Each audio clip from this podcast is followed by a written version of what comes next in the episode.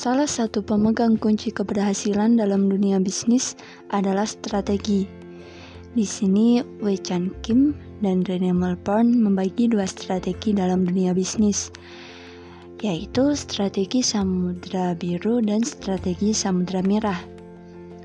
Strategi Samudra Merah yaitu di mana mereka berfokus untuk menjadi nomor satu dalam pangsa pasar dengan cara mengalahkan lawannya untuk mendapatkan permintaan sebanyak mungkin. Sebaliknya, dalam strategi Samudra Biru, mereka lebih tenang karena mereka menjauh dari kompetisi dan menciptakan ruang sendiri di mana di dalamnya sepi pesaing, sehingga menjadikan kom kata kompetisi itu tidak lagi relevan. Mereka berani mendobrak aturan-aturan konvensional pasar dan menciptakan inovasi yang menjadikan perusahaan itu memiliki ciri khas tersendiri. Di podcast kali ini, saya akan membahas mengenai strategi Samudra Biru sesuai dengan buku yang telah saya baca. Inovasi nilai adalah hal yang mendasar dalam penciptaan Samudra Biru karena mereka tidak menjadikan kompetisi sebagai patokan utama, namun justru menjadikan logika strategi yang berbeda sebagai lompatan. Untuk keluar dari strategi samudra merah, diperlukan inovasi nilai untuk mendobrak hal-hal konvensional dalam dunia bisnis. Namun, inovasi nilai ini hanya bisa tercipta ketika kemanfaatan, harga, dan biaya saling bertemu. Tak kalah pentingnya, dalam menciptakan samudra biru ini dibutuhkan elemen-elemen untuk mendorong strategi ini. Di sini dijelaskan bahwa ada empat elemen yang harus diperhatikan, yaitu penghapusan, pengurangan, peningkatan, dan penciptaan.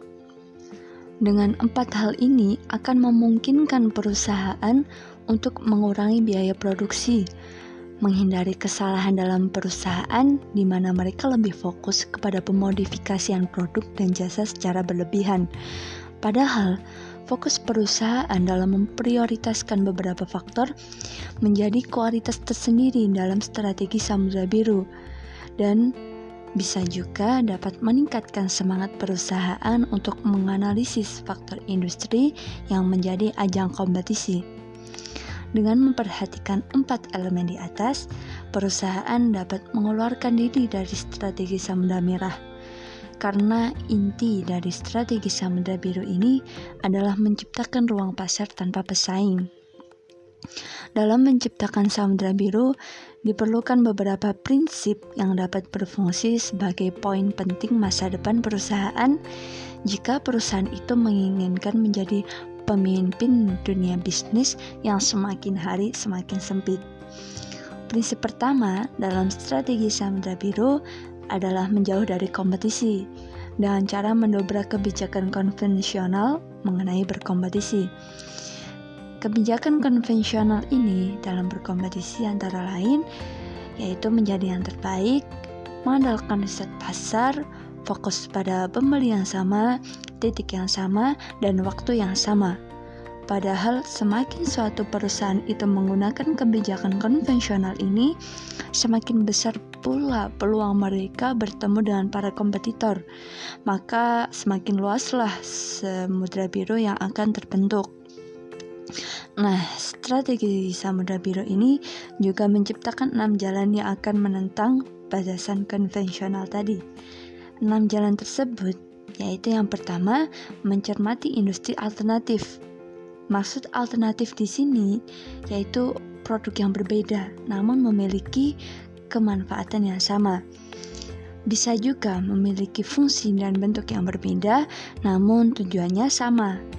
Yang kedua yaitu mencermati kelompok-kelompok strategis dalam industri. Hal ini tertuju kepada perusahaan yang memiliki strategi yang sama. Kuncinya adalah mencermati faktor yang membuat konsumen berpindah ke produk lain. Yang ketiga, yaitu mencermati ruang pembeli, di mana perusahaan mempunyai sasaran tersendiri dalam membidik konsumen. Konsumen inilah yang akan terlibat dalam keputusan pembelian. Yang keempat, yaitu mencermati penawaran produk dan jasa pelengkap. Terkadang inovasi nilai bisa terselubung di dalam keduanya. Dalam jasa pelengkap, berada dalam luar batasan industri. Inilah mengapa perusahaan tidak banyak yang memperhatikan faktor ini. Yang kelima, yaitu mencermati daya tarik emosional dan fungsional bagi pembeli. Ketika perusahaan berani menentang orientasi fungsional dan emosional dari industri mereka, maka mereka dapat menemukan peluang pasar baru.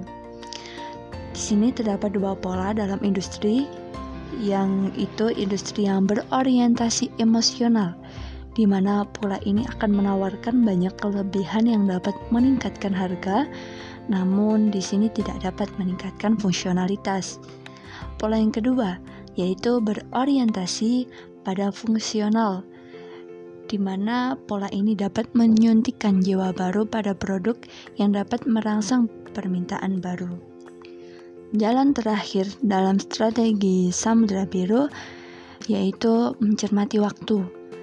Pengetahuan mengenai strategi Samudra Biru jarang datang dari melihat tren namun biasanya pengetahuan itu datang dari pengetahuan bisnis mengenai bagaimana tren itu dapat mengubah nilai konsumen dan mempengaruhi model bisnis. Dengan mencermati waktu ini, atasan dapat membentuk masa depan perusahaan dan menciptakan samudra biru. Karena proses mencari dan menciptakan samudra biru bukan tentang meramalkan tren industri, namun dengan mengintroduksikan elemen pasar sepanjang industri. Hal ini dapat menjauhkan perusahaan dari kompetisi samudra merah.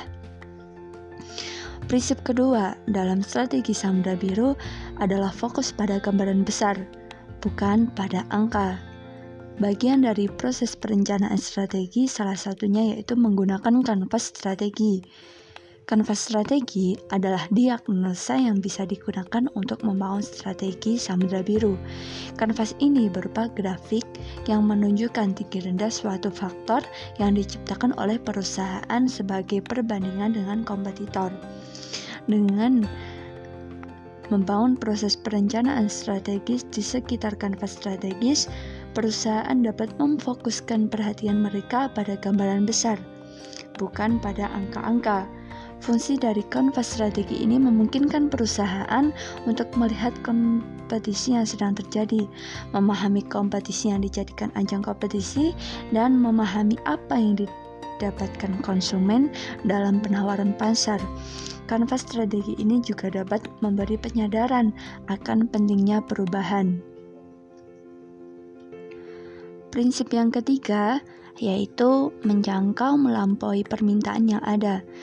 Dengan melampaui permintaan atas sebuah penawaran dapat mengurangi resiko dalam menciptakan pasar baru. Namun, untuk menciptakan hal ini, perusahaan perlu mengambil jalan yang berbeda. Alih-alih berfokus pada konsumen, mereka justru harus berfokus pada non-konsumen. Di sini dijelaskan bahwa ada tiga tingkatan dalam non-konsumen yang dapat diubah menjadi konsumen. Tingkatan pertama yaitu non-konsumen level pertama, di mana mereka membeli produk pada sebuah industri atas dasar kebutuhan. Namun jika mereka melihat alternatif lain, mereka akan berpindah. Tingkatan yang kedua yaitu non-konsumen yang tidak menggunakan produk atau tidak mampu menggunakan produk yang ditawarkan. Hal ini bisa disebabkan karena produk itu tidak efektif, atau bisa jadi juga produk itu di luar jangkauan mereka. Tingkatan yang terakhir yaitu non-konsumen tingkat 3, di mana mereka adalah konsumen terjauh dalam suatu industri, dan jarang sekali perusahaan membidik mereka karena mereka telah menjadi milik pasar lain. Dengan memahami kesamaan pada tiga tingkatan ini, perusahaan dapat menarik mereka kembali ke pasar mereka. Prinsip keempat dalam strategi Samudra Biru adalah menjalankan rangkaian strategi dengan benar, di mana rangkaian ini terdiri dari kemanfaatan, harga, biaya, dan pengadopsian. Prinsip yang kelima yaitu mengatasi hambatan utama organisasi ada empat hambatan dalam organisasi, yaitu pertama, menyadarkan karyawan akan pentingnya pembinaan strategi. Karena sudah terbiasa dengan kompetisi Samudra Merah dan menganggap Samudra Biru terlalu berisiko, membuat orang-orang enggan membuat perubahan. Rintangan yang kedua yaitu keterbatasan sumber daya alam. Karena semakin besar pergeseran strategi, hal ini dapat membuat sumber daya alam yang dibutuhkan pun juga semakin banyak. Rintangan yang ketiga yaitu motivasi, dan rintangan yang terakhir yaitu rintangan politis. Kita memasuki prinsip terakhir dalam Samudra Biru, yaitu mengintegrasikan eksekusi ke dalam strategi untuk bisa membangun kepercayaan orang-orang dan mendorong kerjasama. Prinsip ini dapat berguna untuk meminimalisir risiko, karena strategi Samudra Biru ini dapat menimbulkan risiko yang lebih besar daripada strategi Samudra Merah. Sebab dalam pengeksekusiannya mereka memerlukan perubahan yang besar. Di sinilah perusahaan harus membuat proses yang adil dalam penyusunan dan pengeksekusian strategi. Proses yang adil ini menjadi kunci berhasil tidaknya sebuah samudra biru. Inilah enam prinsip yang perlu diperhatikan dalam menciptakan samudra biru. Perlu diperhatikan bahwa strategi samudra biru ini dapat berubah lagi menjadi strategi samudra merah ketika perusahaan terlalu terobsesi untuk mempertahankan pangsa pasar sehingga tercipta lagi persaingan dan yang menjadi fokus utama perusahaan bukan lagi pembeli namun para kompetitor. Ketika hal ini terjadi, perlu bagi perusahaan untuk menciptakan inovasi lagi dan menciptakan samudra biru kembali. Sekian, terima kasih.